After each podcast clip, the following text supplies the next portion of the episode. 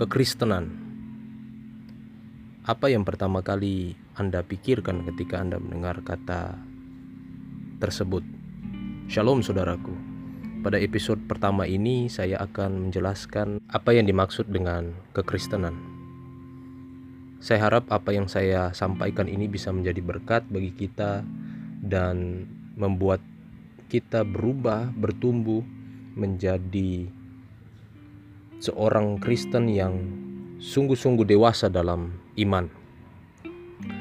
Saudaraku, untuk membahas kekristenan, kita harus mengacu apa yang dikatakan Alkitab. Dalam Alkitab sendiri, penggunaan kata kekristenan atau Kristen itu pertama kali kita bisa temukan dalam kitab Kisah Para Rasul pasal yang ke-11 ayat 26.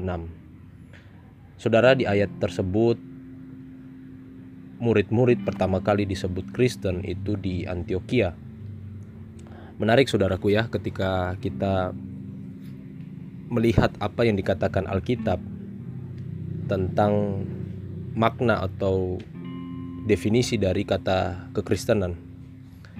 Kata yang dipakai untuk menjelaskan kekristenan itu menggunakan kata bahasa Yunani dari kata Kristianos yang artinya adalah pengikut Kristus.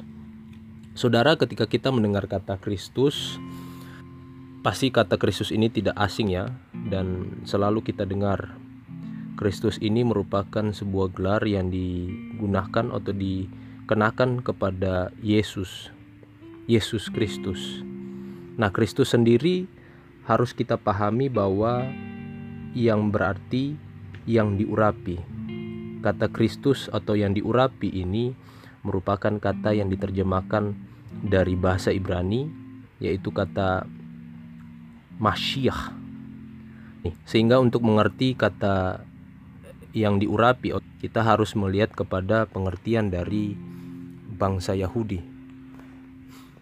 Bangsa Yahudi mempunyai konsep mengenai seorang tokoh pada masa depan yang akan datang sebagai wakil Allah untuk membawa keselamatan bagi umat Yahudi. Dalam tradisi bangsa Yahudi, tindakan pengurapan adalah tanda pemilihan dan pengudusan Allah. Sebagai contoh dalam kisah 1 Samuel pasal yang ke-10 ayatnya yang pertama. Di ayat itu saudara akan menemukan bagaimana Nabi Samuel mengurapi Saul untuk menobatkan dia menjadi raja Kemudian dalam 1 Samuel pasal yang ke-16 ayat yang ke-13 kisah yang serupa terjadi ketika Nabi Samuel juga mengurapi Daud untuk menobatkan dia menjadi seorang raja. Tindakan pengurapan ini sebenarnya bukan hanya untuk saat ketika menobatkan raja, tetapi kita juga bisa melihat dalam kitab Keluaran pasal yang ke-30 ayat yang ke-30 di mana Nabi Musa mengurapi Harun abangnya menjadi seorang imam. Jadi saudaraku, peristiwa pengurapan juga ditujukan kepada tugas jabatan seorang imam. Dalam perjanjian baru kita menemukan ya kata itu digunakan kepada murid-murid Nah, menarik saudaraku ketika kita melihat ya, kenapa mereka disebut Kristen. Sebenarnya kata Kristen ini adalah sebutan atau kita lihat bahwa itu panggilan ya, panggilan, julukan. Kenapa disebut Kristen? Karena murid-murid saat itu pastilah mempunyai corak warna yang berbeda dengan uh, gaya hidup, cara hidup masyarakat pada umumnya. Ya kita ketahui kalau di Antioquia itu bisa dikatakan mereka adalah kaum-kaum filsuf, kaum-kaum terpelajar, kaum-kaum yang menyembah dewa-dewa. Harus dipahami saudara pada saat kisah Tuhan Yesus banyak sekali agama-agama yang berkembang. Ada dewa-dewa, penyembahan kepada contohnya kepada dewa Zeus, Hermes dan lain sebagainya. Ada banyak mitologi-mitologi tentang dewa-dewa kalau saudara melihat dalam sejarah kekristenan, sebenarnya kata Kristen itu merupakan cemooh, saudaraku. Kata hinaan yang dikenakan oleh orang-orang yang mengikut jalan Tuhan. Ya, saudaraku. Di awal perkembangan kekristenan, kekristenan mengalami namanya penganiayaan, saudara. Bukan hanya dari pihak uh, bangsa Yahudi yang menganggap kekristenan adalah sebuah sekte atau sebuah ajaran sesat, bahkan kekaisaran Romawi. Kenapa, saudaraku? Karena orang Kristen menggunakan kata kurios yang sebenarnya hanya bisa digunakan untuk uh, kaisar pada zaman itu, tetapi orang-orang percaya, orang-orang Kristen menggunakan kata kurios kepada Yesus Kristus, sehingga mereka mengalami aniaya. Nah, saudaraku, ketika mereka mengalami aniaya, harus dipahami bahwa orang yang percaya kepada Yesus pada zaman itu harus rela kehilangan hak.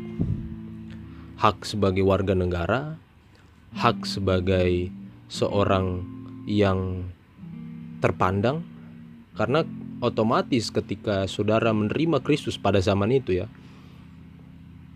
saudara dianggap kaum yang terbelakang bukan hanya terkebelakang dari uh, dianggap terkebelakang dari pemerintahan uh, kekaisaran Romawi tetapi juga dianggap keterbelakangan dari uh, orang-orang Yahudi. Sehingga sebenarnya saya menarik ya kalau kita melihat sesungguhnya apa sih yang membuat mereka begitu bisa saya katakan begitu fanatik ya dengan Yesus. Mereka rela kehilangan uh, keluarga negaraan, mereka rela untuk di penjara, mereka rela kehilangan rumah, keluarga, harta, ya kita lihat bahkan dalam sejarah Kristen ya banyak sejarah Kristen menunjukkan bahwa tidak sedikit orang yang percaya kepada Kristus ya. Mati hanya karena kepercayaannya kepada Yesus. Bahkan pernah ada satu peristiwa orang-orang Kristen diperhadapkan dengan binatang buas di satu stadium ya untuk dicabik-cabik. Mereka diserahkan. Nah saudaraku ini sesuatu yang sangat menarik. Bisa dikatakan mereka sebenarnya tidak melihat siapa itu Yesus mereka tidak mengetahui secara fisik karena peristiwa penyalipan Yesus itu terjadi di Yerusalem.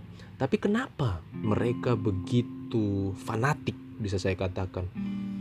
Begitu percaya kepada Yesus. Loh, per, pada pertanyaannya mereka tidak melihat, mereka tidak uh, mengalami apa pun, tapi mereka rela menukarkan bahkan nyawanya mereka sendiri ya. Nah, saudaraku harus dipahami bahwa mereka dikatakan sebagai seorang Kristen karena mereka mempunyai cara berpikir, gaya hidup seperti Yesus.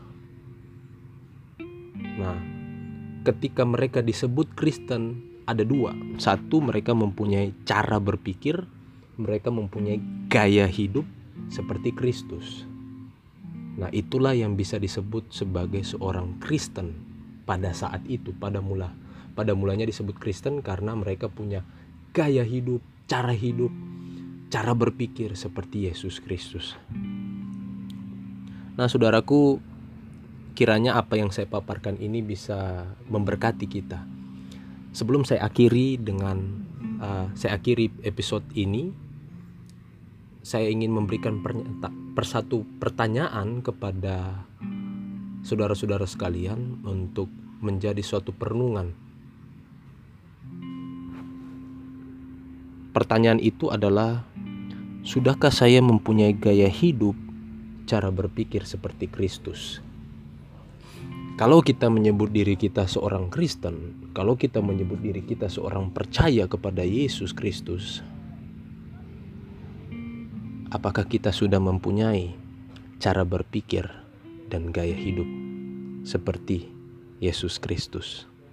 Karena jelas apa yang disampaikan atau sebuah sebutan yang dialamatkan kepada orang-orang percaya di Antioquia mereka disebut Kristen karena mereka mempunyai gaya hidup, cara hidup seperti Yesus. Sudahkah saudara mempunyai gaya hidup, cara berpikir seperti Yesus. Saya harap ini menjadi sebuah berkat bagi saudara sekalian yang mendengarkan uh, episode pertama ini.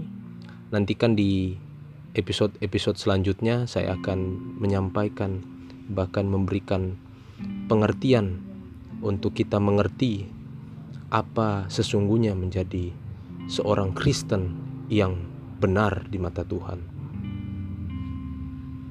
Saya Billy Samuel Budiman. Tuhan Yesus memberkati. Shalom.